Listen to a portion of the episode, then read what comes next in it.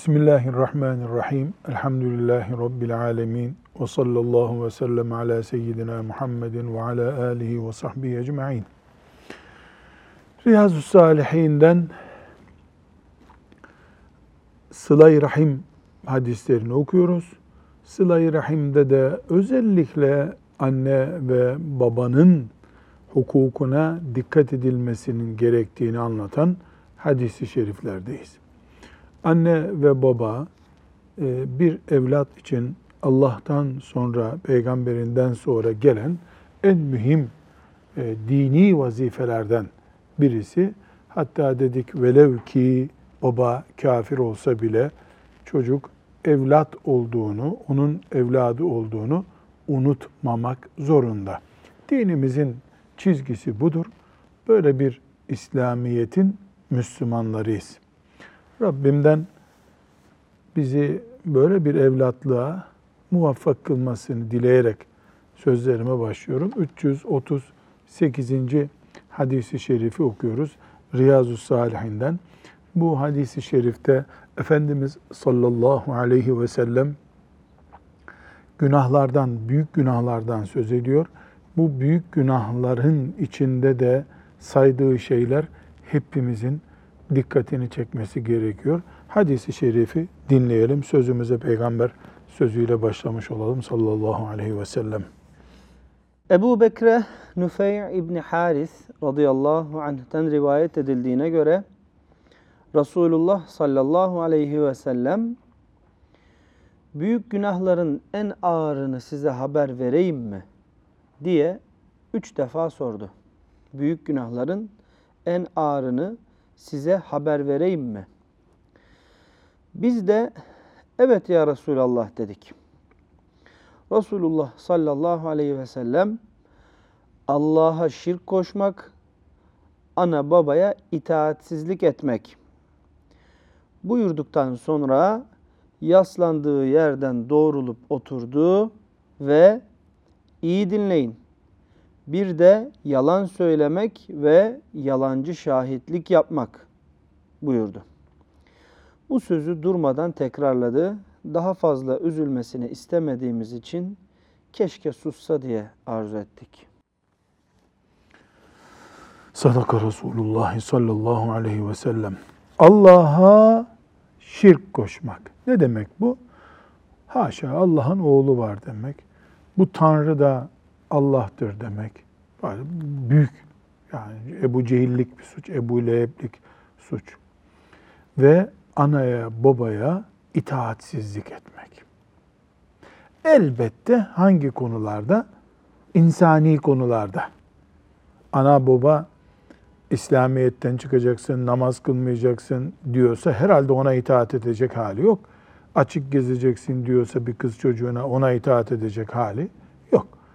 Ama insani konularda, evlatlık, babalık ilişkilerinde, imanla alakalı olmayan şeylerde, Allah'ın hakkı olmayan şeylerde anaya babaya itaatsizlik, Allah'a şirkten sonra ikinci günah ve yalan şahitlik, e, yalan söz konuşmak, yalan şahitlik yapmak üçüncüsü.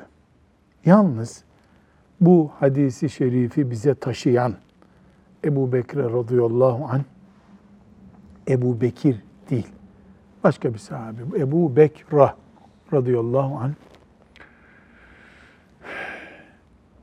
Efendimiz sallallahu aleyhi ve sellemin Allah'a şirk ve anaya babaya saygısızlık cümlesini söylediğinde bir yere yaslandığını, sonra doğrulup yani pozisyon değiştirip o değiştirdiği pozisyonla önündekilerin dikkatini çektikten sonra ve daha ciddi bir şey anlatacağını, çok yoğun bir şey anlatacağını hissettirdikten sonra yalan söylemek, yalan şahitlik etmek diye buyurmuş.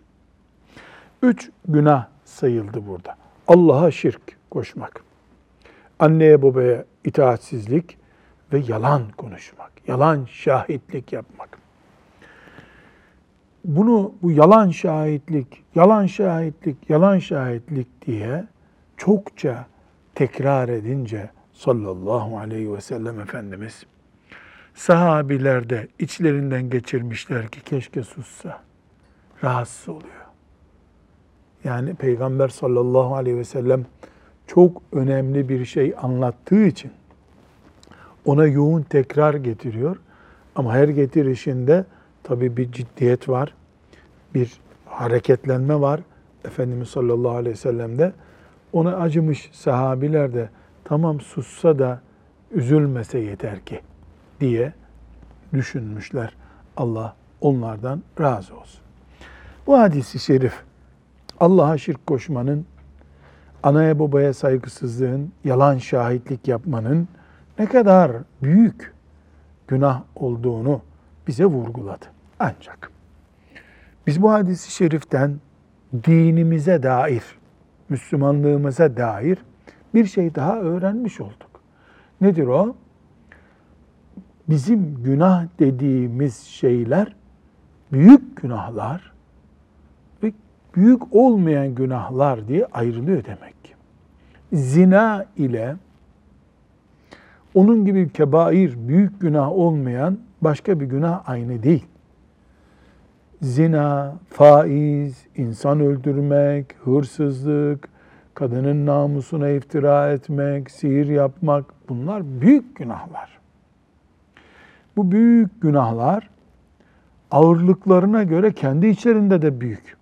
Allah'a şirk koşmak en büyük günah. İnsan öldürmek iki numaralı büyük günah. Faiz ve zina üç numaralı büyük günah. Böyle sıralanıyor. E şimdi biz diyebiliriz ki Allahu Teala'ya karşı saygısızlık olduktan sonra, karşılığı cehennem olduktan sonra, yani cehennemde ceza yiyecek olduktan sonra günahın kendisi büyük olsa ne olur? Adı küçük olsa ne olur? Elbette bu nokta çok önemli. Yani kime karşı işleniyor bu suç? Allahu Teala'ya karşı işleniyor. Velev ki kibrit çubuğu kadar olsun. Biz onu orman gibi büyük görme hassasiyetine sahip olamazsak büyük günahlardan da kendimizi maazallah koruyamayız. Bu hadisi şerif bize üç büyük günah saydı ki büyük günahlar bu kadar üç tane değiller. Bunlardan e, bir tanesi anneye babaya saygısızlık yapmak olduğu için de Nebevi rahmetullahi aleyh bunu buraya koymuş oldu. 339. hadisi şerife geçebiliriz. Abdullah İbni Amr İbni As radıyallahu anhuma'dan rivayet edildiğine göre Peygamber aleyhisselam şöyle buyurdu. Büyük günahlar şunlardır. Allah'a ortak koşmak, ana babaya itaatsizlik etmek, haksız yere adam öldürmek ve yalan yere yemin etmek. Şimdi bu hadisi şerifimizde büyük günahlardan söz ediyor. Ama biz özellikle büyük günahlar sadece bu hadisi şerifte sayılan günahlar değildir. 50-60 tane sayılabilecek büyük günah var. Hadisi şerif bunları ağırlığına göre 3-4 tane burada, 5 tane orada, 3 tane şurada zikrederek, dağıtarak saymış. Ama büyük günah Müslüman tövbe etmedikçe vazgeçtim ya Rabbi tekrar yapmayacağım diye tam bir söz vermedikçe cezadan kurtulamayacağı günahlar demektir. Bunların dışındaki günahlardan mesela camiye cemaate giderek, e, sadaka vererek, anne babadan dua alarak, hasta ziyaret ederek gibi sebeplerle küçük günahlar temizlenir. Ama bu sayılan büyük günahlar illa tövbe ister. Pişmanlık ister. Tekrar yapmama ciddiyet ister. Burada hangi günahları saydı? Allah'a ortak koşmak. Bir. Anaya babaya itaatsizlik. İki. Haksız yere adam öldürmek. Üç. Yalan yere yemin etmek. Dört. Bir açıklama yapmakta fayda var. Haksız yere insan öldürmek diyoruz. E öldürürken herkes kendine göre haklı öldürüyor. Herhalde bu değil.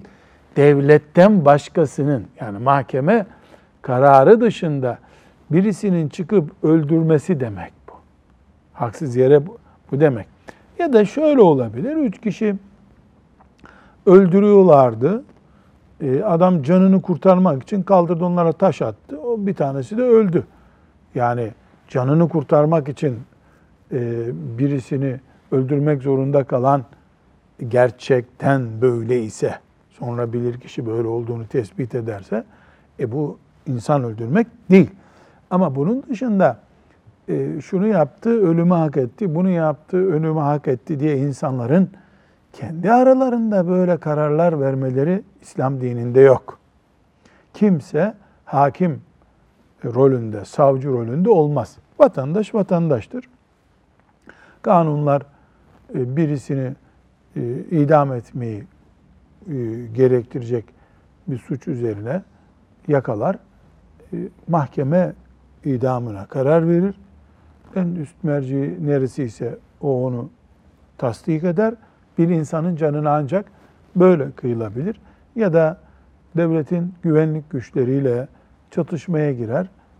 O çatışmada güvenlik güçleri onu öldürmek zorunda kalırlar. Bunlar istisnai durumlar ama vatandaşların birbirlerinin canını kıymayı uygun bulma hakkı bizim dinimizde yok.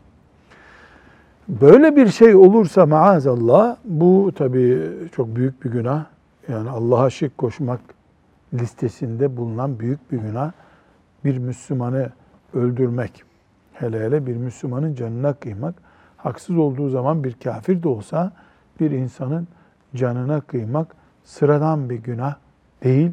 Öyle hacca gitmekle, sadaka vermekle, işte Kur'an kursuna para vermekle, caminin pencerelerini yaptırmakla filan affolur bir günah değil. Allah muhafaza buyursun. Tabii kasten öldürmeleri kastediyoruz burada. Trafik kazasında şoför ölüme sebep olur. O, o cinayet değil zaten. Onun adı kaza. Dördüncü zikrettiği şey burada e, yemini gamus, yemini gamus ya da tam Türkçe telaffuzuyla e, yalan yemin. Yalan yemin ne demek? Yani mesela şu senin midir soruyorum. Benim değil. Ben biliyorum ama benim olması menfaatime uygun. Benim olmadığını bildiğim halde sırf işte hakkımı hakkım haline getireceğim, ondan alacağım diye vallahi benimdir bu diyorum. Olmadığını bildiğim halde. Yani yalanı bile bile yeminleştirmek demek. Peki bunun günahına ne buyurdu sallallahu aleyhi ve sellem Efendimiz? Allah'a şirk koşmak, anaya babaya itaat etmemek ve insan öldürmek ve yemini gamus, yalan yemin etmek. Demek ki bu insan öldürmek kadar büyük bir günah bile bile yalan yemin etmek. Burada bir satır açacağız. Yemin yanlış yapıldığı zaman doğru olduğunu zannediyordum. Yanlış oldu. Ya da bir şeyi yapmamak için yemin ettim. Vallahi işte şunu yapmayacağım dedim. Bozuldu yeminim. Bu tövbesi olan bir günahtır. Nedir tövbesi? On fakir doyurulur veya giydirilir ya da üç gün oruç tutulur. Böylece bu günahtan kurtulmuş olur mümin. Peki bu günah, bu yalan, bilerek yalan yemin edenin ne yapması lazım? Hiçbir şey. Neden? Çünkü bu mesela saat 5'te geleceğim. Yemin et geleceğim. Vallahi geleceğim. Tamam. Sonra da gitmedim. Ama gitmek istiyordum. Ben bile doğru yemin ettim. Gitmedim. Başka bir iş çıktı. Bundan ne yapıyorum? Yeminimi bozduğum için kefaret diyoruz. 10 fakiri doyuruyorum. Ya da 10 fakiri giydiriyorum ihtiyaca göre götürüyorum. birer pantolon alıyorum mesela. Veya onları yaparsam işte çoluk çocuk sıkıntı çekecek düzeydeyse ihtiya mali durumum bu sefer ne yapıyorum? Üç gün oruç tutuyorum.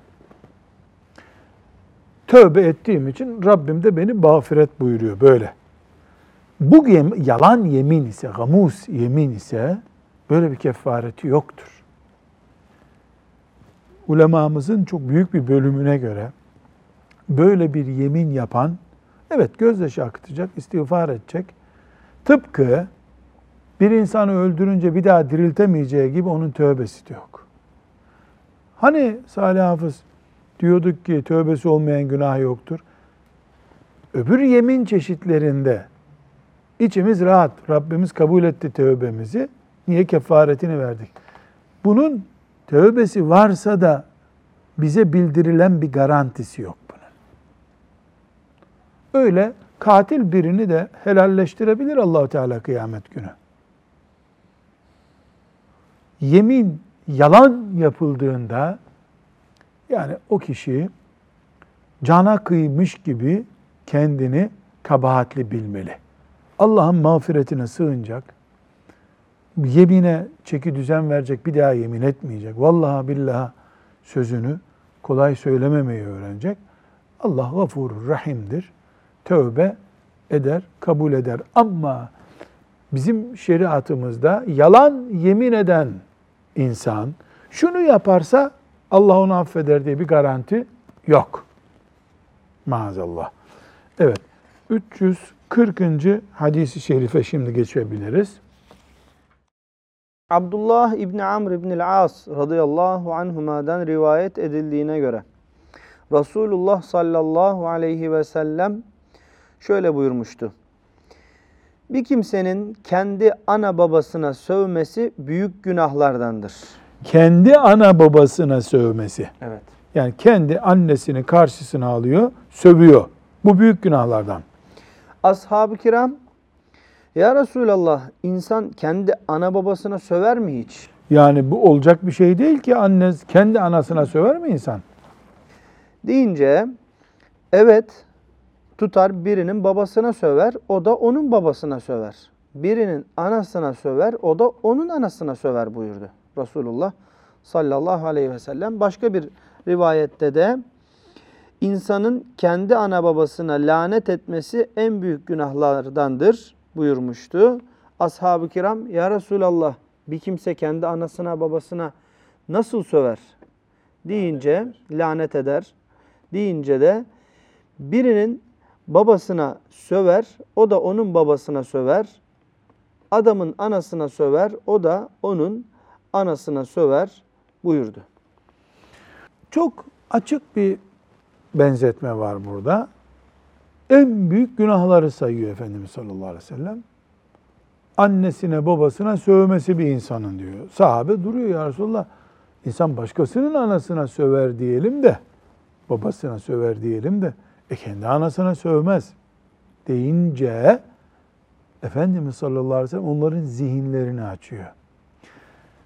Başkasının anasına sövüyorsun, o da ben de senin anana söverim diye cevap verince sebep olmuş oluyorsun o sövmeye.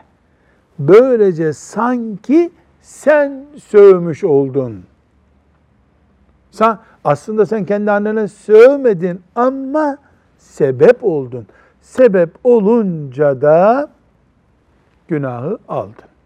Bu hadisi şeriften üç büyük başlık çıkıyor. Üç büyük başlık çıkıyor.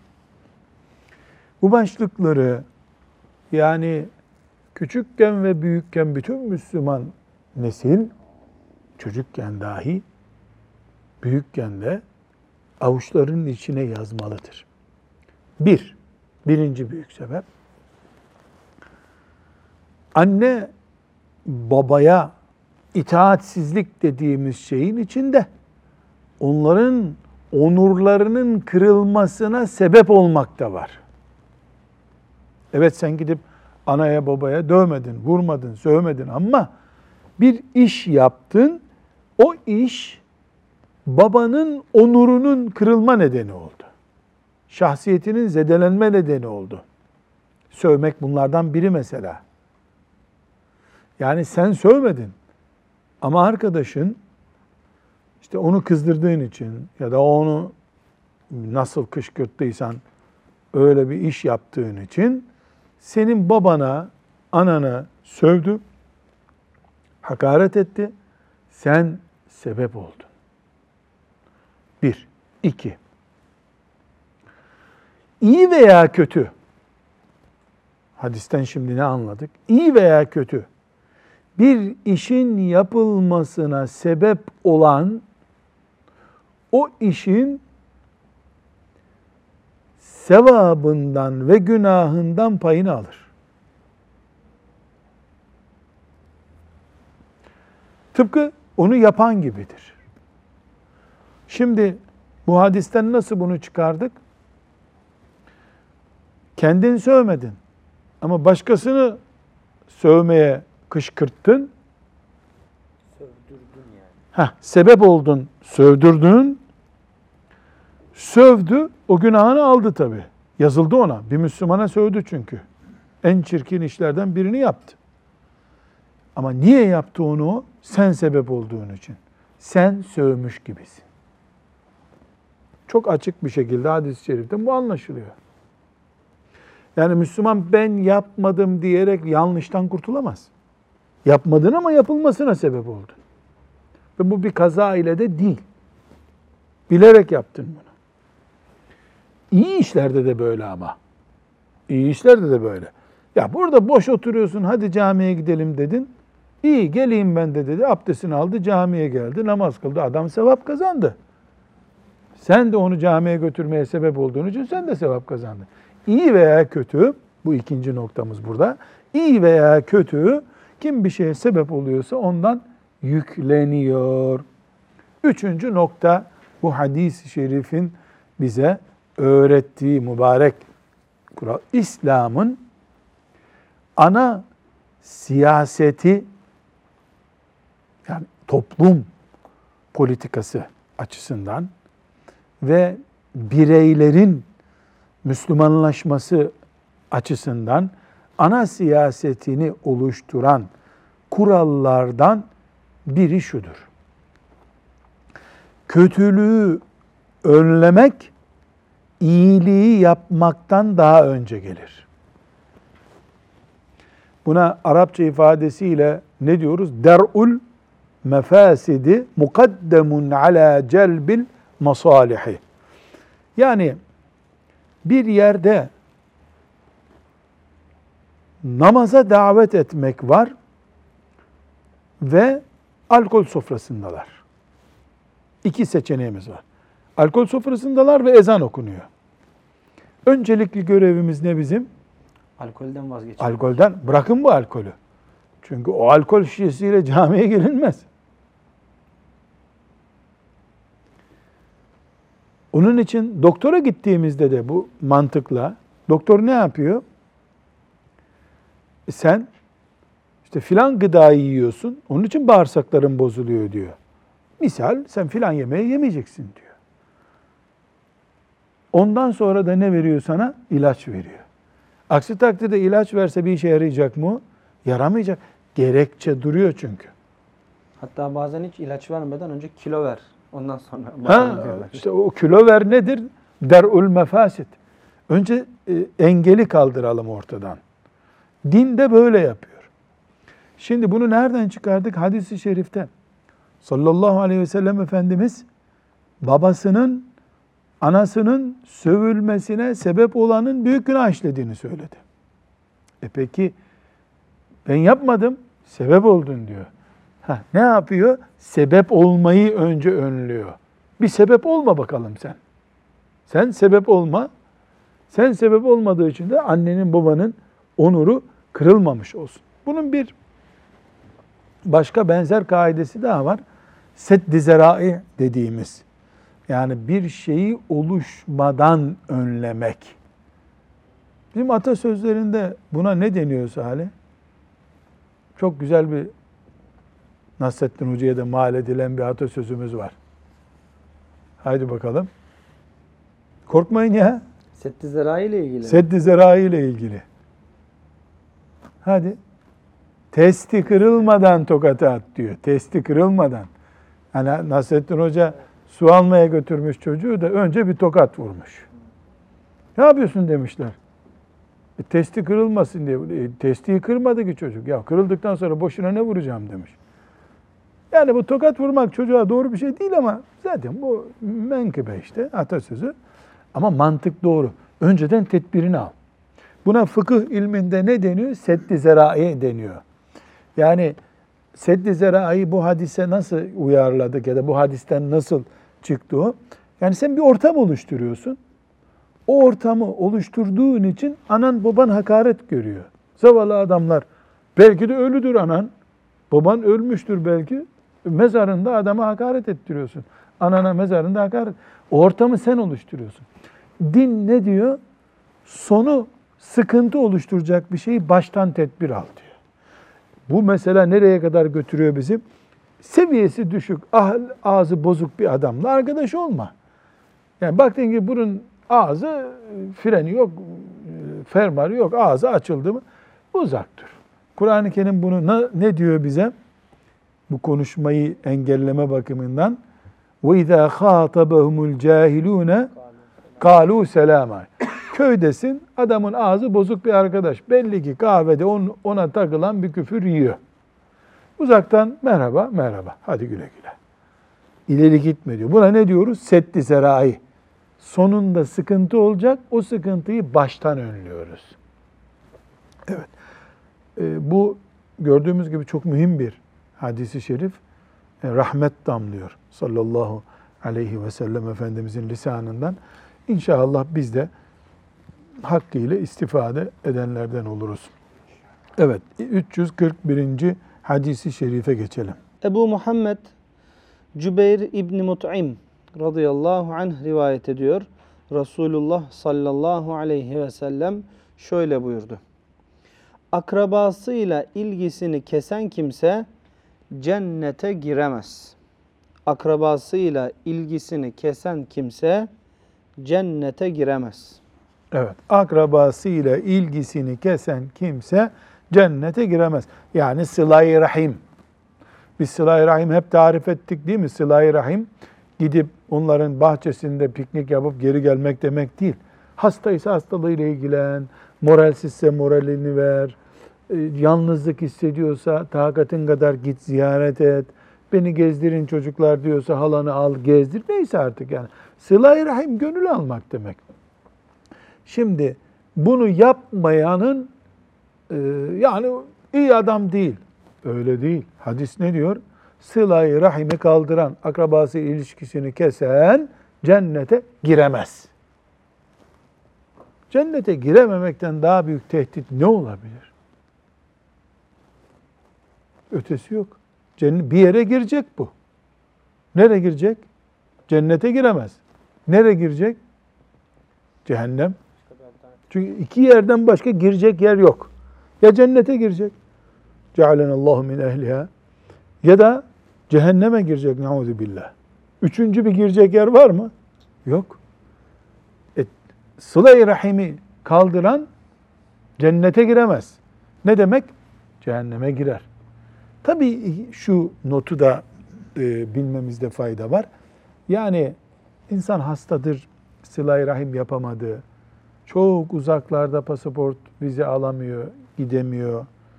Ee, ya siyasi nedenler var, ülkeler arası sorunlar var. Bunlar elbette mazeret. Ama o ben kendi çocuklarımla uğraşamıyorum.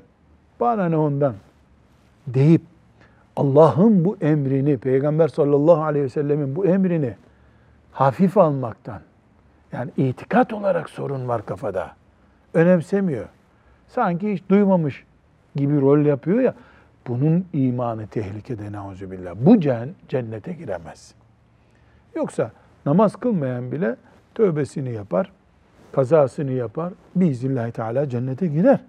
Namazdan da önemli değil sıla-i rahim. Sıla-i rahim önemli ama namazdan da daha önemli değil. Fakat basit gördün mü Allah'ın emrini, sıla-i rahimde Allah'ın emri, Basit gördün mü cehennemi boylar insan. Nauzu billahi Teala Allah muhafaza buyursun. 342. hadisi şerife gelebiliriz şimdi. Ebu İsa Mughire İbni Şube radıyallahu anh rivayet ediyor. Resulullah sallallahu aleyhi ve sellem şöyle buyurdu. Allah Teala size ana babaya itaatsizlik etmeyi, verilmesi gerekeni vermeyip almaya hakkı olmayan şeyi istemeyi ve kız çocuklarını diri diri toprağa gömmeyi haram kılmıştır. Dedikodu yapmayı, çok soru sormayı ve malı israf etmeyi de mekruh kılmıştır. Ana babaya itaatsizlik bir. Yani zekat gibi, nafaka gibi verilmesi gereken şeyleri vermeyip e, el koymak iki. Kız çocuklarını diri diri kürtaj yapmak desem günah olur mu Salih Hoca? Çok güncel olur hocam. Yani diri diri gömmek yok artık zaten savcılık hemen buluyor seni. Ama kürtaj olunca yasal oluyor. İse eğer diri diri çocukları kürtaj etmeyi haram kılmış. Müslüman bunları yapamaz. Hadis niye buraya geldi? Anaya babaya itaatsizlikle ilgili olduğu için. Ee, ve dedikodu yapmayı da Allahu Teala kerih görmüştür. Gereksiz sorular sormayı gerih görmüştür. Malı israf etmeyi de kerih görmüştür. Şimdi burada Hafız Sadullah inna Allah harrama aleykum hukukal ümmehati. Ne demek ümmehat? O anneler demek ama Anneler demek. Hoca efendiler burayı nasıl tercüme etmişler? Ana, babaya itaatsizlik. diye tercüme etmişler. Kelime kelime bakıldığında bu tercüme yanlış. Ama yanlış değil. Niye yanlış değil? Çünkü Allahu Teala anayı analara zulmetmeyi, analara itaatsizlik yapmayı haram etti size derken babanızı dövebilirsiniz demiyor. Anne üç kere sayıldığı için, baba bir kere sayıldığı için anneyi zikrettiği zaman, annene hakaret etme dediği zaman baba kendiliğinden giriyor onun içine zaten. Kendiliğinden girdiği için baba bu hükme tercüme eden hoca efendiler de ana baba diye tercüme etmişler. Çünkü annesini üzmesinin haram olduğunu bilen birisi babasını dövebilir mi? Yani onu yasak eden Allah bunu da yasak etmiş oluyor. Burada bu hadisi şerifte e, bir başka uyarı daha var. E, Mal savurganlığını da Allah razı değil demek ki mal savurganlığına.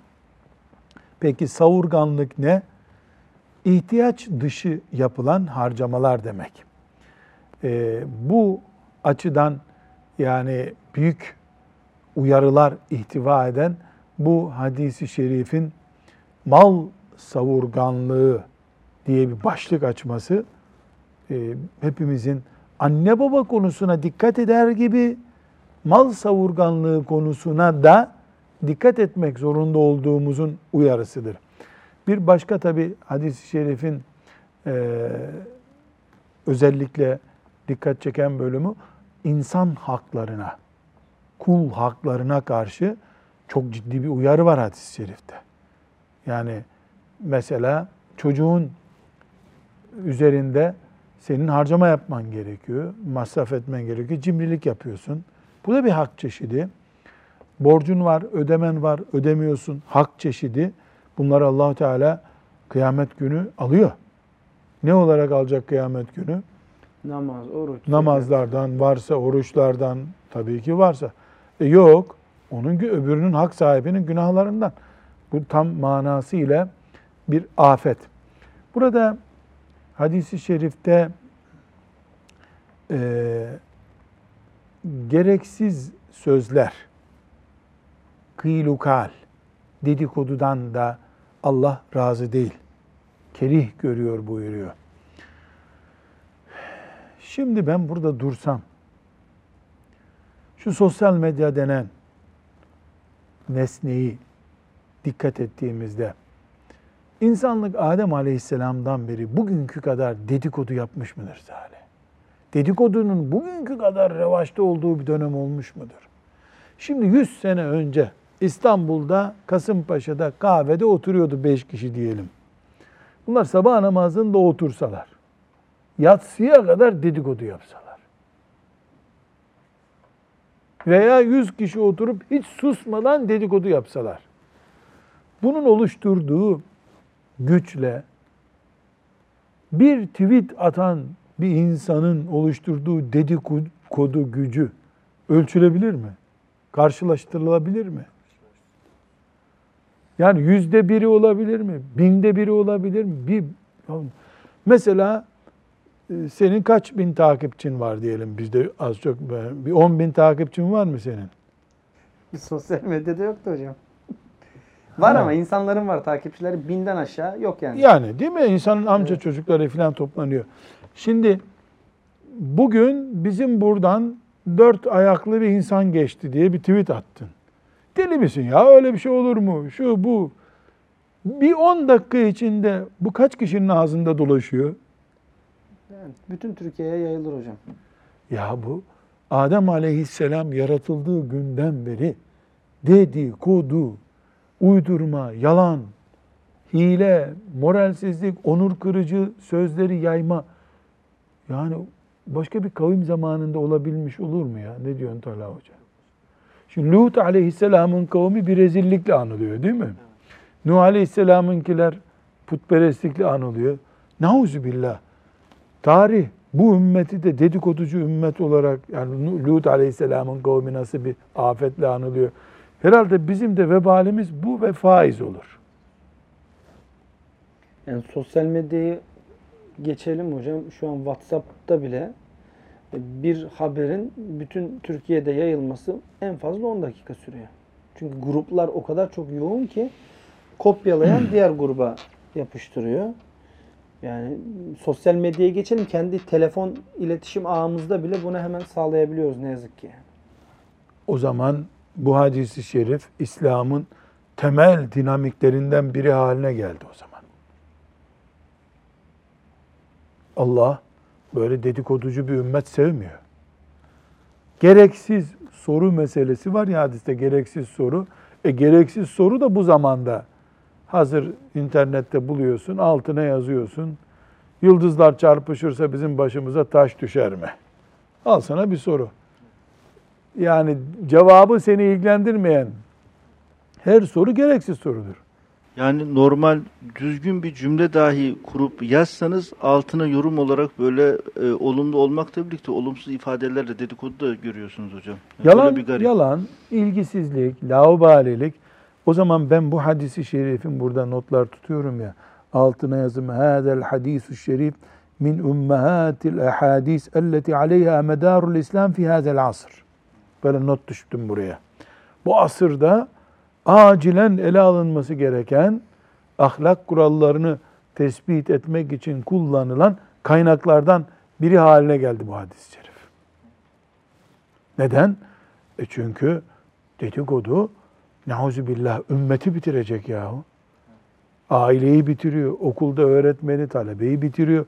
Yani her yerden bir bela e, başımıza geliyor. Rabbim bu mübarek hadisi şeriflerle okuyup dinleyip amel etmekle bizi e, kurtulan kulları arasına ilhak buyursun. Ve sallallahu ve sellem ala seyyidina Muhammed ve ala alihi ve sahbihi ecma'in velhamdülillahi rabbil alemin.